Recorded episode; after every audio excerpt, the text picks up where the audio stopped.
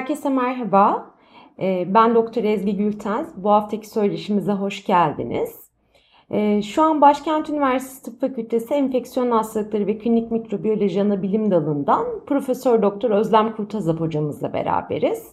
Ee, hocamızı aslında yakından tanıyorsunuz ama ben biraz bahsetmek isterim. Uzun yıllardır derneğimizin çeşitli organlarında, aynı zamanda e, Avrupa e, Derneği'nde, İnfeksiyon Hastalıkları e, Klinik Mikrobiyoloji Derneği'nde e, aktif olarak e, rol alıyor. Her ay e, dernek web sitesi üzerinde 5 soru 5 yanıt e, quizimizi görüyorsunuz. Bu quizin mimarı e, yine Özlem hocamız. E, hocamızla bugün e, son olarak Temmuz 2023'te güncellenen Amerika İnfeksiyon Hastalıkları Birliği'nin dirençli gram negatif mikroorganizmalarla gelişen infeksiyon hastalıkları için e, tedavi önerileri e, üzerine konuşacağız. E, buyurun Özlem Hocam, söz sizde. Merhabalar. E, 2023 yılı Temmuz ayında Amerika Birleşik Devletleri Enfeksiyon Hastalıkları Derneği İTSA'nın yeni bir gram negatif e, bakteri enfeksiyonları tedavisi rehberi yayınlandı. Antibiyotiklere dirençli gram negatif bakteri enfeksiyonları tedavisi rehberi. Aslında buradaki rehberdeki isimleri biliyoruz. Pranita Tamma daha önceki gram negatif tedavi rehberlerini de hazırlayan e, ilk isim olan kişilerden birisi. Şimdi burada aslında bu e, makalenin adına baktığımızda guideline diyor yani rehber diyor başlığında ama e, daha doğrusu e, derginin bölüm sekmesinin adı olarak İTSA rehberleri adı kullanılmış. Ama makalenin adına baktığımızda e, İTSA 2023 Guidance e, diye devam ediyor. Yani tam olarak bir guideline değil bir guidance'dan e, söz ediliyor. Bunun önemine e, birazdan değineceğim. Yani şimdiye kadar e, bizim okuduğumuz dokümanlar daha çok rehber iken burada şimdi bir guidance'dan, rehber olmayan bir dokümandan söz ediyoruz. Bundan kısaca söz edeceğim. Ama girişte bu konuya geçmeden şundan e, söz etmek istiyorum. Dünyada ilk kez bütün dünyayı ilgilendiren antimikrobiyal direncin dünyadaki yüküne ilişkin bir e, makale yayınlandı. 2022 yılında Lancet'te yayınlandı. 2019 yılında antimikrobiyal direncin dünyaya neye mal olduğuna ilişkin bir sistematik analiz bu aslında. Ve e, anlaşıldı ki 1.3 milyon kişi antimikrobiyal dirence bağlı olarak öldü 2019 yılında. Yani sadece antimikrobiyal direnç nedeniyle 1.3 milyon kişiyi 2019 yılında kaybetmiş bulunuyoruz.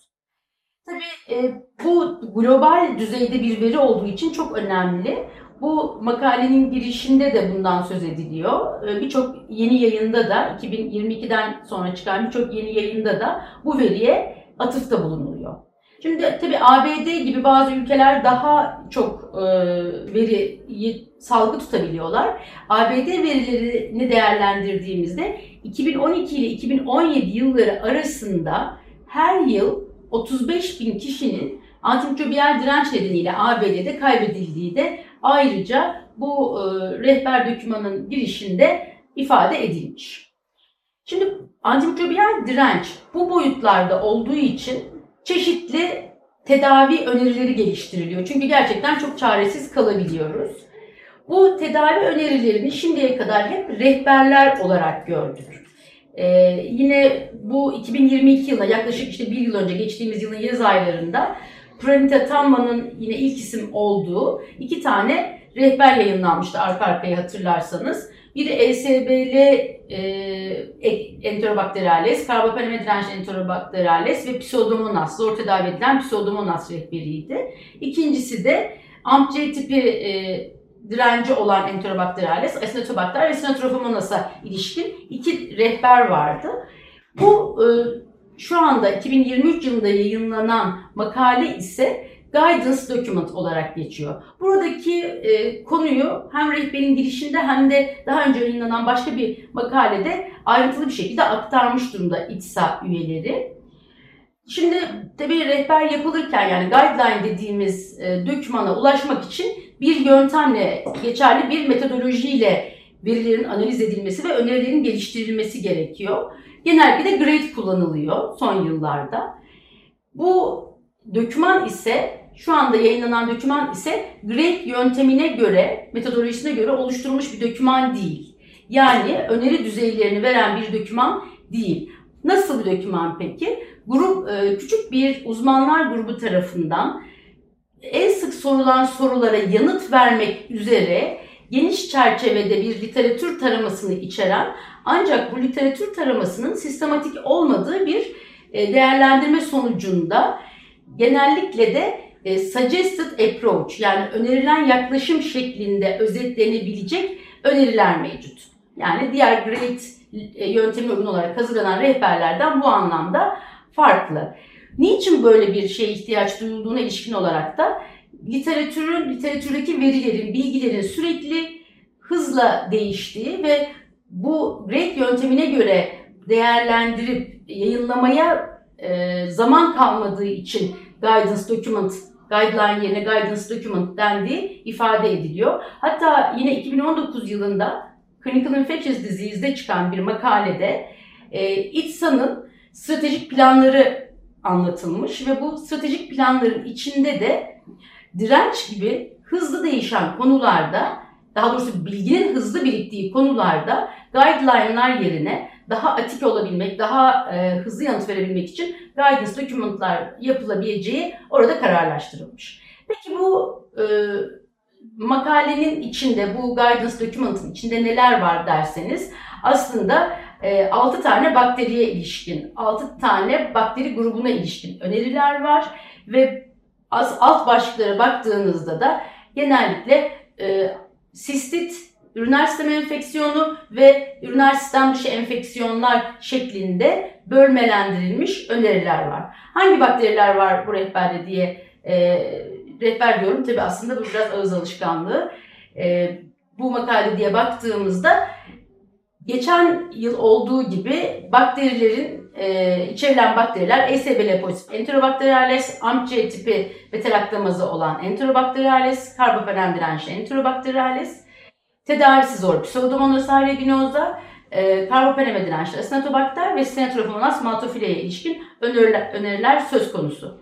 Burada yine kısaca e, tedavisi zor Pseudomonas aeruginosa tanımından biraz söz edeyim.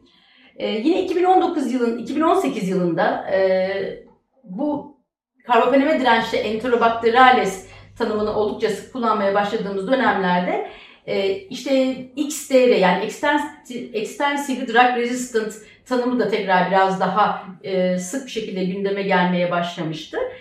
Bunun daha çok bir laboratuvardan elde edilen e, antibiyogram sonucuna göre geliştirilen bir tanım olduğu üzerinde duruldu ve bazen bizim tedavi seçeneklerimizi iyi yansıtmadığı üzerinde durularak tedavisi zor bakteriler, difficult to treat e, resistance bakteriye gibi bir tanım geliştirildi.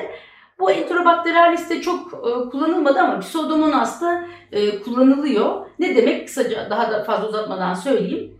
E, betelaktamlara, daha doğrusu sefalosporinlere, karbopenemlere yani betelaktamlara ve kinolonlara yani Pseudomonas tedavisinde kullanılabilecek ilk basamak ilaçlara, ilaçların hepsine dirençli olan bakterilere difficult to treat e, resistance Pseudomonas aeruginosa deniyor.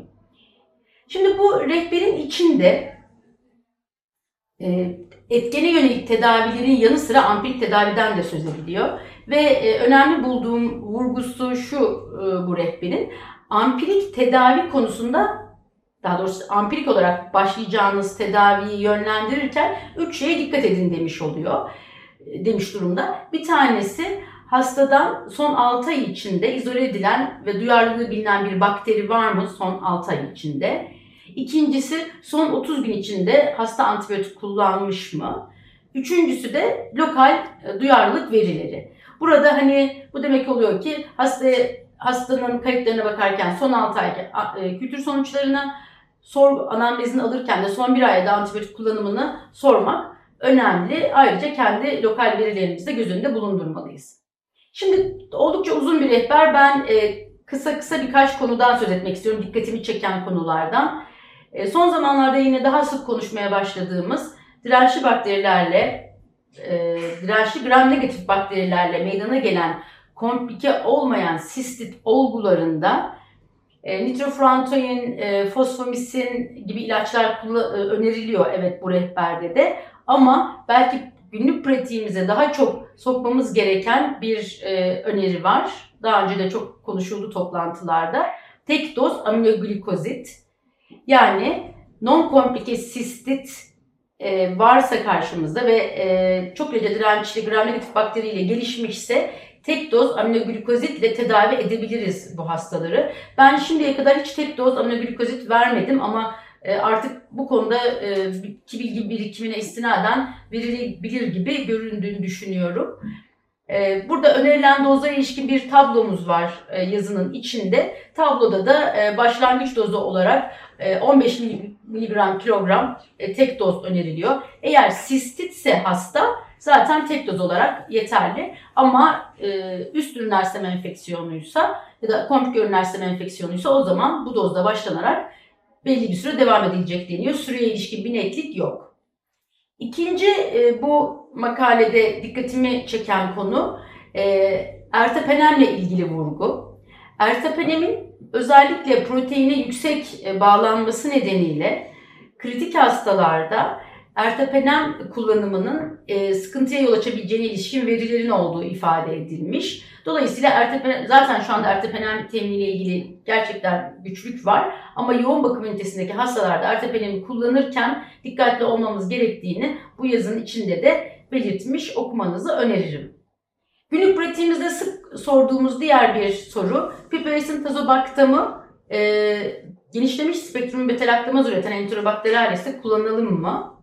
Sorusu. Sonuçta burada yazanı söyleyeyim ben size. Eğer hani üriner sistem enfeksiyonunda özellikle alt üriner sistem enfeksiyonunda kullanıyorsanız ve yanıt almış gibi görünüyorsanız değiştirmeyin. Ama piptazo dışındaki e, üriner sistem enfeksiyonu dışındaki enfeksiyonlarda duyarlı bile görünse piperazin tazobaktamı kullanmayın diye net bir şekilde söylemiş durumda rehber. Tartışmalı konulardan birisi olduğu için vurgulamak istedim. Yine e, Özellikle bizim çok derece dirençli bakterilerdeki sorunumuz e, kombinasyon tedavisini kullanalım mı, kullanmayalım mı? Burada net bir şekilde kombinasyon tedavisini karbapeneme dirençli enterobakteriyalesler için kesin olarak önerme, önerilmediği ifade ediliyor. Yani sonuçta şöyle, biz hani e, diyelim kolisine duyarlı bir e, karbapeneme dirençli Klebsiella buluyoruz. E, burada tek başına kolistin verilmesi öneriliyor. Yanına meropenem eklenmemesi vurgulanıyor. E, tabii bu rehber oldukça uzun ve geniş bir rehber. O nedenle ben şimdi e, enterobakteriyales ile ilgili kısmından söz ettim. Daha e, bu konuda konuşulacak oldukça e, fazla bilgi söz konusu. Birkaç tane de tigesiklinle ilgili şey söyleyeyim. Tigesiklini bakteriyemi ve üriner sistem enfeksiyonunda kullanmayı hep bildiğimiz şekilde önermiyor bu rehberde. Çünkü tigesiklin bildiğimiz gibi dokulara hızlıca yerleştiği için kan konsantrasyonu ve idrar konsantrasyonu sonuçta düşük.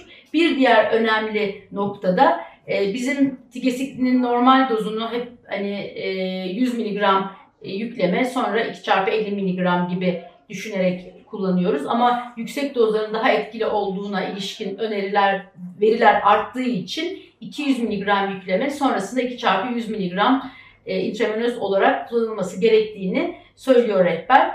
E, burada rehberde e, amce tür enterobakteriyaleslerle ilgili zor tedavi edilen pseudomonas, karbapeneme dirençli asinatobakter ve Stenotrofomonas maltofile ile ilgili birçok e, öneri mevcut. E, okuması zor bir e, yazı değil. Okumanızı öneririm. Kolaylıklar diliyorum. Özlem hocamıza bu değerli paylaşımları için teşekkür ediyoruz. Bir sonraki podcast'imizde görüşmek üzere. Hoşçakalın.